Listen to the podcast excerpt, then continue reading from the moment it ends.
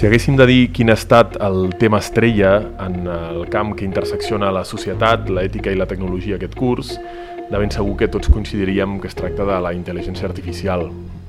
N'hem parlat eh, bastant en aquest podcast, aquest curs, i per tancar el curs eh, del nostre podcast Indefugibles de la Càtedra d'Ètica, hem pensat en convidar a un dels més grans experts a Catalunya, l'altre dia, recentment, s'ha fet una jornada molt seguida eh, i organitzada pel Consell Interuniversitari de, de Catalunya, que va acollir la UPC, per parlar dels reptes que significava en l'àmbit de l'ensenyament universitari la intel·ligència artificial. I una de les persones que va parlar va ser doncs, Climent Nadeu. Eh, el Climent Nadeu ens acompanya avui, ell és professor de la Universitat Politècnica de Catalunya, de Teoria del Senyal i Comunicacions, i a més a més també molt preocupat per les qüestions ètiques que eh, estan, diguéssim, no, en, el, en els debats de la tècnica i de la tecnologia. Eh, Climent, moltes gràcies per ser avui aquí amb nosaltres. Uh, moltes gràcies. Indefugibles, el podcast de la Càtedra d'Ètica i Pensament Cristià de l'IQS, amb Xavier Casanovas i Oriol Quintana. Un podcast amb la col·laboració de Catalunya Religió.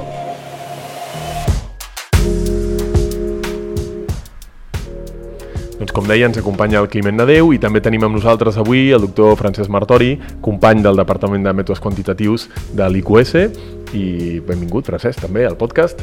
Hola, moltes gràcies. I res, l'excusa d'avui doncs, ha sigut l'oportunitat d'aquest enllaç amb en, amb en Climent per poder parlar sobre els reptes de la, de la intel·ligència artificial, però ens venia de gust anar una mica més a les bases fins i tot. No? El, el doctor Climent Nadeu és professor de teoria del senyal i, i clar, certament aquí hi ha persones com ell que fa més de 40 anys que estan investigant en aquest camp. Ara parlem molt d'intel·ligència artificial, ell és expert en el processament de llenguatge per part de les màquines. No? Eh, doncs anem a intentar entendre una mica les bases de tot això. Eh, què és el que fa? Com, què fa una màquina per interpretar el que li diem o per interpretar les nostres paraules o simplement un senyal sonor? No? Bé, el primer que s'ha de fer, evidentment, és agafar la ona acústica que passa a través del micròfon i digitalitzar-la. I un cop la tens amb una representació binària en forma de bits, llavors pots començar o bé a extreure informació, no? i per tant veure, per exemple, el contingut que té, si és una veu humana, el reconeixement de veu eh, converteix aquesta ona sonora en un text, el contingut del que s'ha dit, o bé pot haver el procés contrari, és a dir, que partint d'un text doncs, es generi un senyal de veu. Aquestes són algunes de, de, les, de les aplicacions lligades directament al que és el senyal. Després, evidentment, i molt relacionat amb això, eh, és tot el que s'anomena el processament de llenguatge natural, que el que es fa és treballar directament a partir del text, és a dir, no es parteix a la veu humana, sinó que es parteix el text i s'arriba al text. Per exemple, si es fa traducció de text a text, per exemple, si es fa un sistema de resum automàtic, que s'agafa doncs, tot eh, un, un paràgraf i es resumeix en unes poques frases o tot un text sencer, o el que sigui, o sistemes de pregunta-resposta, etc. No?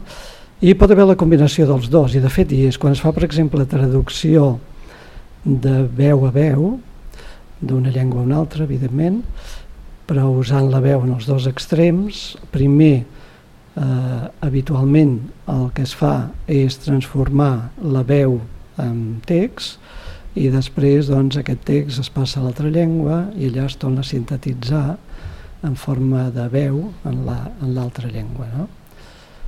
Bé, això són alguns dels, dels àmbits eh, típics de treball. Eh, Ah, llavors, què és el que ocorre? Que en el moment en què tu ets capaç d'agafar un text i convertir-lo, diguéssim, no? en, en una seqüència digital de, de, de números, de dígits, no? és a dir, a seqüenciar-lo, aleshores pots començar a treballar amb ell, diguéssim, no? O sigui, pots mm. començar a modificar-lo, a, a fer-ne fins i tot experiments, i, i d'aquí la situació en la que estem ara, diguéssim, de sí. la intel·ligència artificial. És així? És a dir, sí, aquest sí. salt com es dona, aquest salt? És a dir, en quin moment eh, us n'adoneu, diguéssim, els enginyers, us comença a veure que aquesta no, codificació permet alhora un treball, diguéssim, de eh, resum, per exemple, d'un text, no? Mm. Sí. Bé, aquí el gran procés que hi ha hagut eh, és la digitalització, no? la capacitat de convertir eh, no únicament els nombres, que això ja es feia des del principi, en bits, no? una representació binària en base 2, sinó després va passar amb els caràcters que s'utilitzen en el text, també una representació amb 8 bits típicament per cada caràcter, i el, hi va haver un pas important quan es van agafar senyals eh, diversos, però entre ells el senyal del so i el de la imatge, i es van poder digitalitzar també. No? Es va fer una conversió analògica digital que, que el que fa doncs, és que accepta una mica de pèrdua d'informació perquè es necessitarien infinits bits per poder uh -huh. representar tota la informació que hi ha en el món analògic, la que ens ve, per exemple, en el cas de, del so que ens ve del micròfon, i aquesta representació eh, digital té l'avantatge que és, és comú, és homogènia per tot. És a dir, que tant si agafem un so com una imatge, com agafem doncs, un text o una seqüència numèrica o agafem un senyal, per exemple, de bioenginyeria o qualsevol altre tipus, tots queden representats eh, binàriament i per tant poden ser processats amb les mateixes tècniques. Quan es comença a investigar tota aquesta possibilitat d'interpretació del llenguatge per les màquines, o sigui, quina intencionalitat hi ha? Què és el que es busca inicialment? No? És el pur, eh, la pura possibilitat, és a dir, la, la pura aparició de la informàtica, diguéssim, o de les màquines que permeten fer aquesta digitalització, que com que obre la porta, per tant, ho comencem a fer, o, o hi ha, eh, clar, les aplicacions són moltíssimes, no? Mm -hmm. però moltes d'aquestes aplicacions no es poden preveure a priori quan es comença aquest tipus d'investigacions. Mm -hmm. no? Quina intencionalitat hi ha darrere aquestes persones que comencen aquest camp d'investigació? Bé, és clar, jo vinc de l'àmbit de telecomunicació i per respondre a aquesta pregunta amb els meus coneixements concrets doncs hauria de fer un repàs històric. Uh mhm. -huh. Però molt breument, eh, les comunicacions doncs, comencen amb el telègraf, després el telèfon, etc. Eh, després venen les ones, eh, transmissió per ones, eh, i però de, de, el, hi ha un pas important aquí, que és el moment que es fa multiplexació, que es diu, és a dir, quan ja no és un sol senyal, per exemple, una sola veu que es fa passar a través d'aquest canal de comunicacions, sinó que n'hi ha més d'una. Per tant, s'agafa l'espectre de freqüències típicament al principi i es distribueix, de manera que s'hi puguin enviar diferents, diferents senyals. Però tot això encara era en el món analògic. No? Va venir la televisió, continuàvem en el món analògic, um, però després de la Segona Guerra Mundial es van començar a desenvolupar tots el, el te, basat en la mecànica quàntica, tot el, els materials semiconductors i això va facilitar molt el pas a la representació digital. Aquesta representació digital, que l'expressem en forma de bits, no? és, eh, és, va venir posteriorment. Jo recordo que als anys 80, a principi dels anys 80, amb els companys ensenyàvem eh, disseny de filtres analògics que era el que es feia servir en sistemes de comunicacions, dissenyant filtres amb bobines i condensadors. No? I de mica en mica vam anar introduint tot el món digital, és a dir, els senyals ja es discretitzaven, es digitalitzaven i els podíem processar doncs, en programes d'ordinador.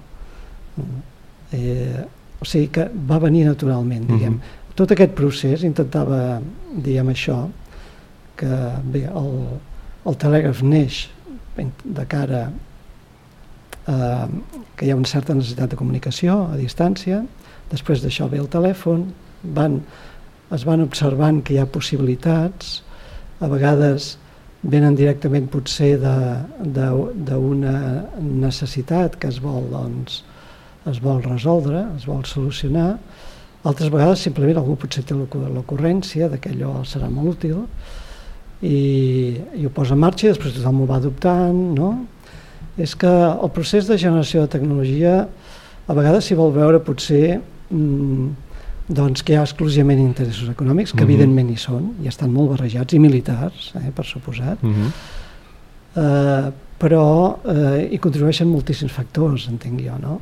I evidentment també hi contribueixen els desenvolupadors, no? els investigadors i desenvolupadors de tecnologia, i hi contribueix tothom d'alguna manera quan s'ho fa seu. Si els mòbils eh, no, ens, no ens hi haguéssim eh, basat no? i no ens haguéssim acostumat a donar sempre un mòbil a sobre, doncs eh, no, no es haguessin continuat desenvolupant de la manera que s'ha fet. No? El mateix passa amb la intel·ligència artificial. Vull dir que és un conjunt de factors. Eh, quina intencionalitat hi ha?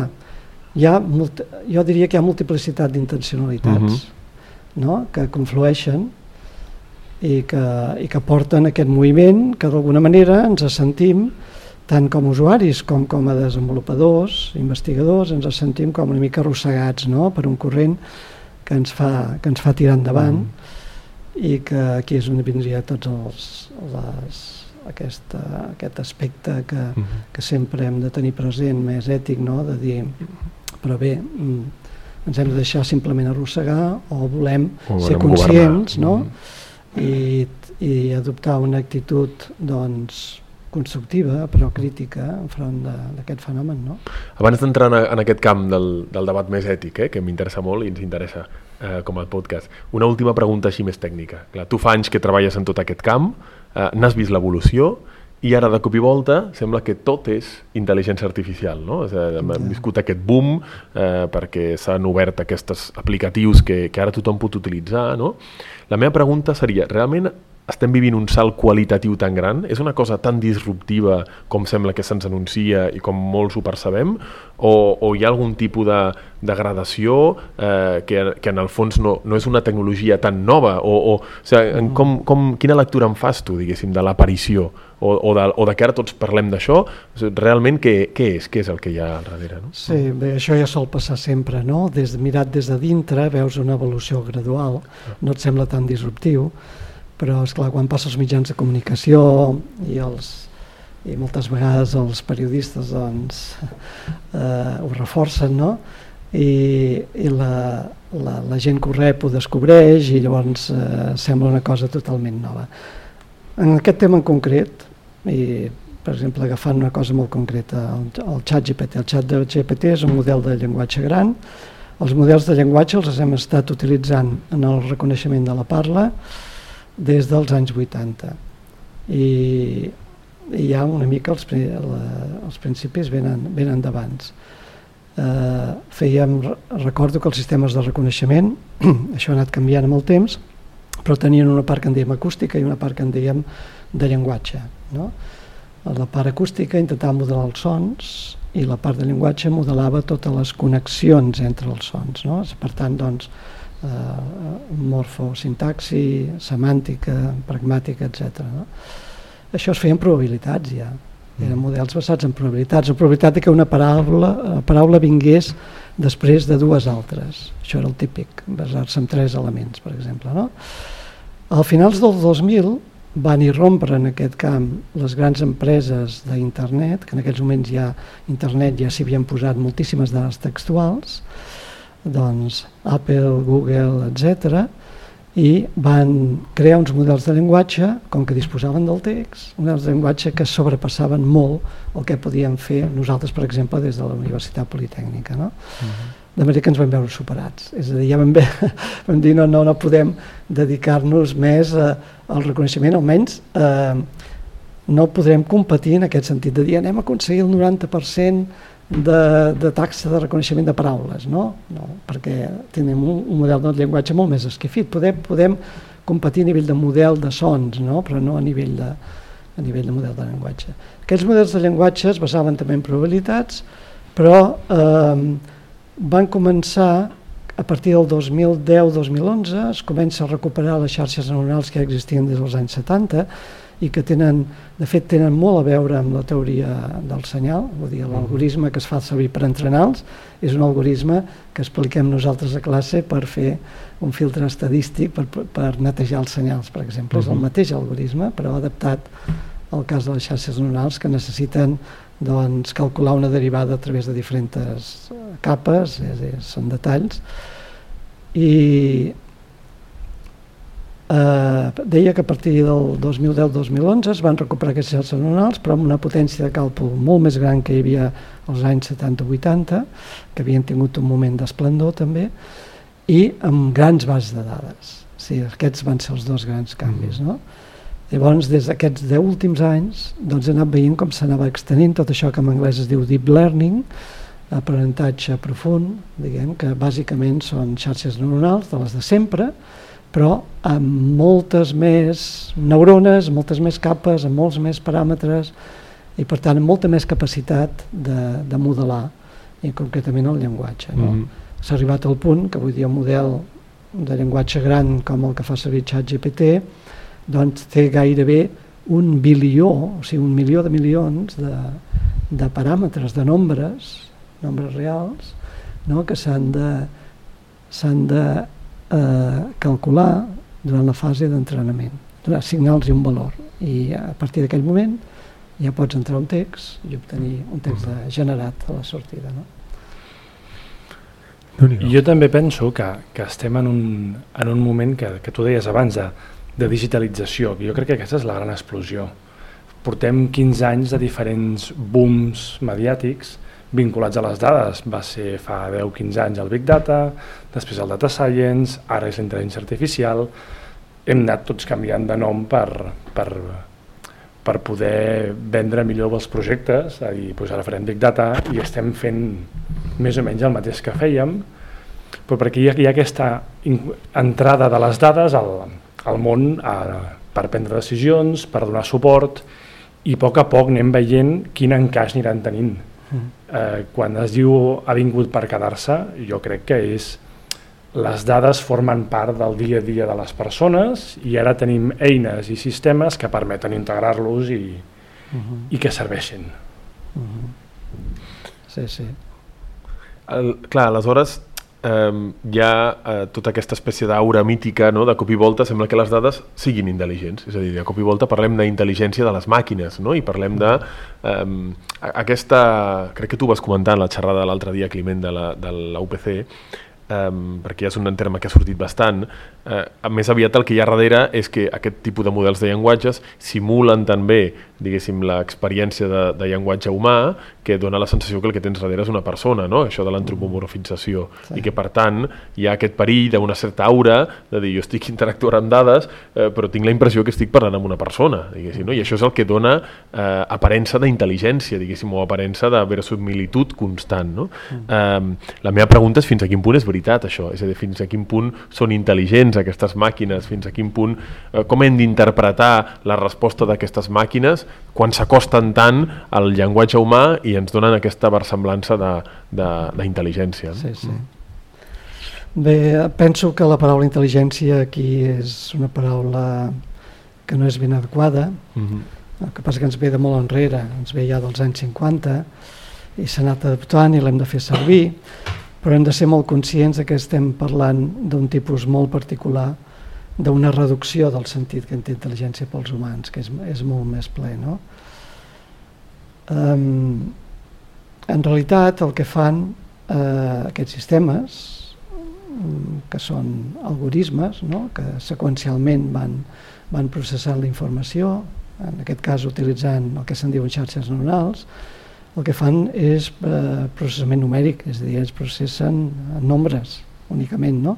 De fet, una xarxa neuronal fa multiplicacions i sumes i alguna operació més no lineal que es diu, però bàsicament cada neurona fa un conjunt de multiplicacions i sumes. Per això necessita aquests paràmetres, que són les quantitats, els pesos pels quals es multipliquen les dades que van entrant no? i que van, que van evolucionant per dit de la xarxa fins a arribar a la sortida.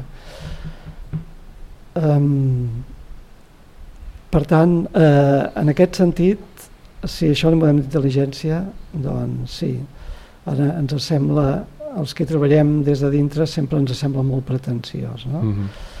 eh, són aquests models de llenguatge gran, agafant moltíssims textos d'internet, eh, milions i milions de pàgines web, el que aconsegueixen és fer una representació numèrica comprimida de tota aquesta informació de, de manera que això els hi permet generar textos que, que no són exactament igual que els que han vist, perquè de fet, un cop els han vist durant l'entrenament, ja no els tenen més en compte.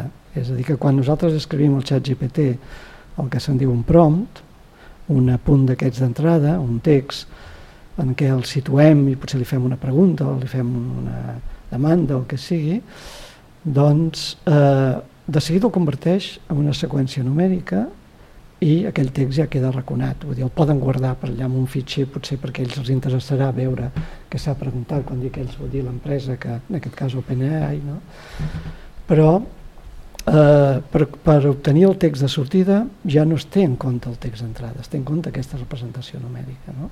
O sigui que hi ha una confusió a vegades que algú pensa que el que fa aquest model és que disposa de grans quantitats de text i va buscar les paraules o les frases en aquest, en aquest gran superfitxer no? I, i amb allò com, composa el text de sortida. No, el text de sortida és el resultat d'aquestes representacions numèriques i d'una optimització basada en la probabilitat. El que es va, el que es va és a maximitzar la probabilitat de la paraula que en aquests, en aquests moments s'està produint. Mm. Doncs per anar acabant, anem al, al debat pròpiament ètic. Um, clar, un dels perills de la tecnologia és que evoluciona a tal velocitat, no? tot és tan accelerat, que no ens dona temps de, de l'aturada que obliga a una reflexió ètica no? i de veure quines són les conseqüències eh, de tot plegat respecte a la generació de llenguatge ja se n'ha parlat molt, que si en l'àmbit de pedagògic, universitari, això serà un repte molt gran, eh, que si en l'àmbit de, també de, de la difusió de mentides, o de, no? hi, ha, hi ha molts elements eh, que a vegades potser semblen una mica superficials i el que ens ha interessat més en el teu cas, Climent, és que tu també tens o aportes una reflexió ètica molt important i, i molt fonamental respecte als perills o les limitacions, jo diria, més que el perill de, de la tècnica i de la tecnologia. No? O sigui, on situaries tu el debat ètic eh, respecte a tot això que hem estat parlant, diguéssim, no? O sigui, on està el gran, la gran pregunta i el gran debat ètic? Mm, sí, no sé, no és fàcil potser resumir-ho amb, amb un sol punt, no? Um, les limitacions que tenen aquestes tecnologies, que n'hem de, ser, n'hem de ser molt conscients no? per poder-les utilitzar de forma convenient, perquè no sempre fa falta potser utilitzar-los, no? Vull dir, realment, però quan realment ens convingui i ens aportin alguna cosa, ser conscients també de quines són les seves limitacions. Un punt molt important, eh, que és molt import, eh, que és, em sembla que s'ha de tenir molt present, és que la intel·ligència potser no és tant, eh, que parlàvem abans d'intel·ligència, no és tant la de la màquina, sinó és la de la persona que li pregunta, no? la persona que escriu el prom o que ara ho escrivim però bueno, ja se li pot dictar doncs, a través de la veu i en el futur cada cop ho serà més segurament. No? Eh, aquí s'ha de fer de manera, eh, de manera adequada, de, tenint, in, indicant molt bé què és el que es busca, amb un llenguatge precís, no? guiant pas a pas, etc etc. Eh, per tant, aquesta és una limitació important. Una altra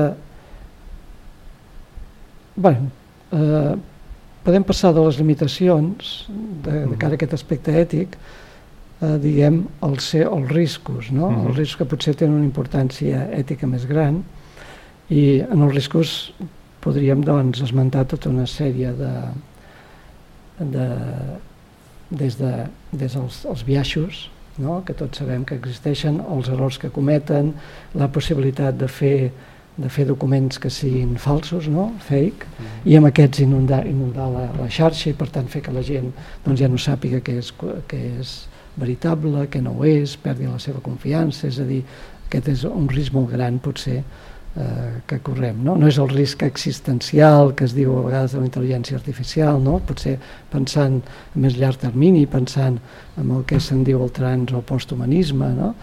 que té, té molt de futurologia, però que, que, que bé, que penso que val la pena reflexionar-ho perquè sí que d'alguna manera tota la recerca apunta en aquesta direcció, fins on s'arribarà no ho sabem molt bé, no? Eh, la barrera de la consciència humana segurament és, és molt, molt rellevant, no? però no sabem realment fins on pot arribar, però sí que a curt termini ens podem trobar doncs, amb, amb situacions eh, doncs, discriminatòries per a les persones, ja sigui per l'accés, pel, pel viatge que tenen aquests sistemes que a més a més resulta que prenen decisions que poden afectar la nostra vida o per, per la creació, com dèiem ara, de, de notícies falses, fake, aquest tipus de coses. No? El company Oriol Quintana ens ha demanat que et fem una pregunta, perquè avui no podia ser-hi, no? i que és la següent. Um, com convenceries algú que t'afirma molt clarament que la tecnologia, i en aquest cas la intel·ligència artificial, és neutra, és a dir, que només depèn de l'ús que se'n faci perquè sigui bona o dolenta, no? però que en veritat tot depèn de la persona i de la seva utilització, diguéssim, d'aquesta tecnologia. Què, què li respondries a una persona que t'afirmés això? Diguéssim, no? Mm, ja és un repte pels filòsofs i encara més per mi, no? Eh, això que per alguns és molt evident, aquesta no neutralitat, Um, el que sembla que és evident per tothom és que diem que és bona o dolenta eh, per l'ús que en fem, no?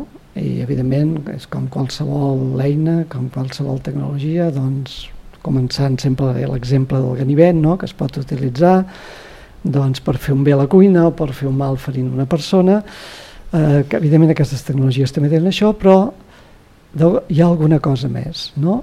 ens condicionen, ens influencien més enllà del que ens podem imaginar. Em sembla que ens hi hem trobat amb el mòbil. Recordo quan els estudiants començaven a tenir mòbil i, eh, i a classe doncs, fèiem algun debat així de tipus ètic, eh, com ells, eh, com ens adonàvem, a la seva generació amb la meva, per exemple, que hi havia hagut un canvi a l'hora de comprometre's en quedar en un dia i en un lloc per trobar-nos, no? que ells ja no es comprometien a priori. Ja ho resoldrem, ja ens trucarem, no? ens enviarem un, un missatge, el que sigui. Eh, en canvi, doncs, en, nosaltres, a la, abans de tenir mòbil, doncs, havíem de, havíem de fixar-ho prèviament, no?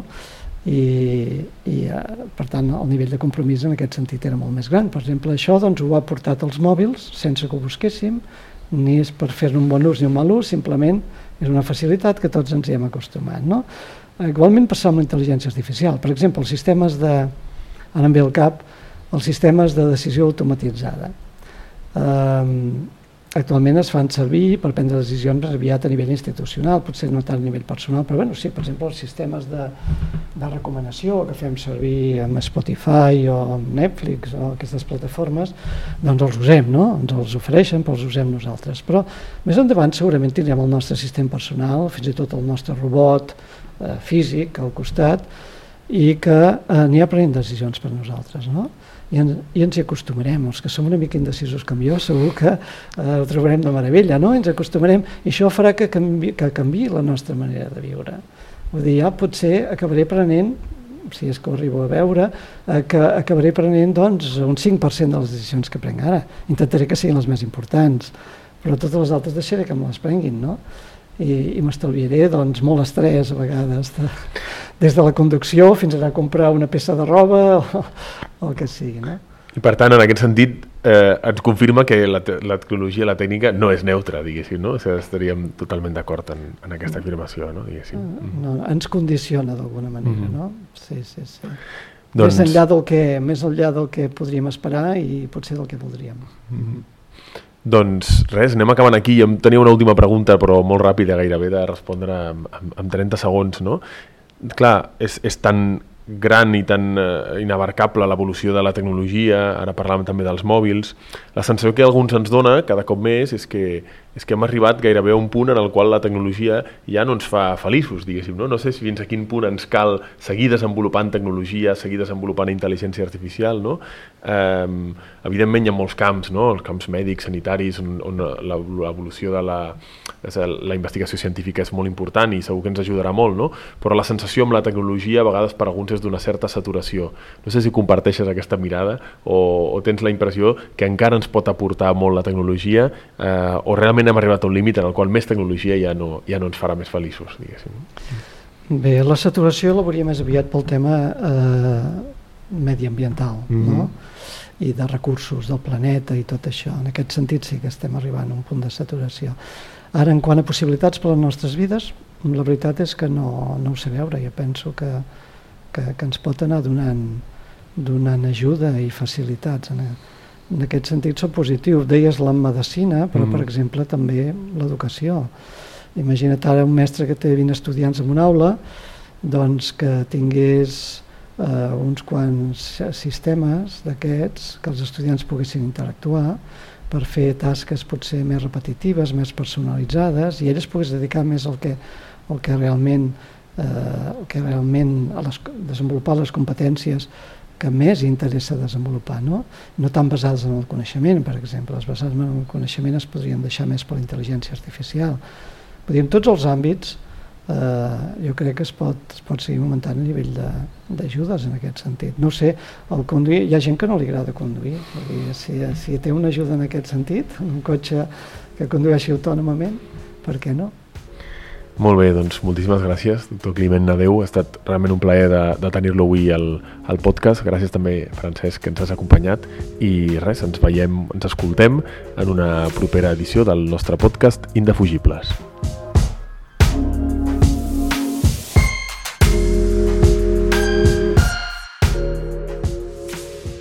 Catalunya Religió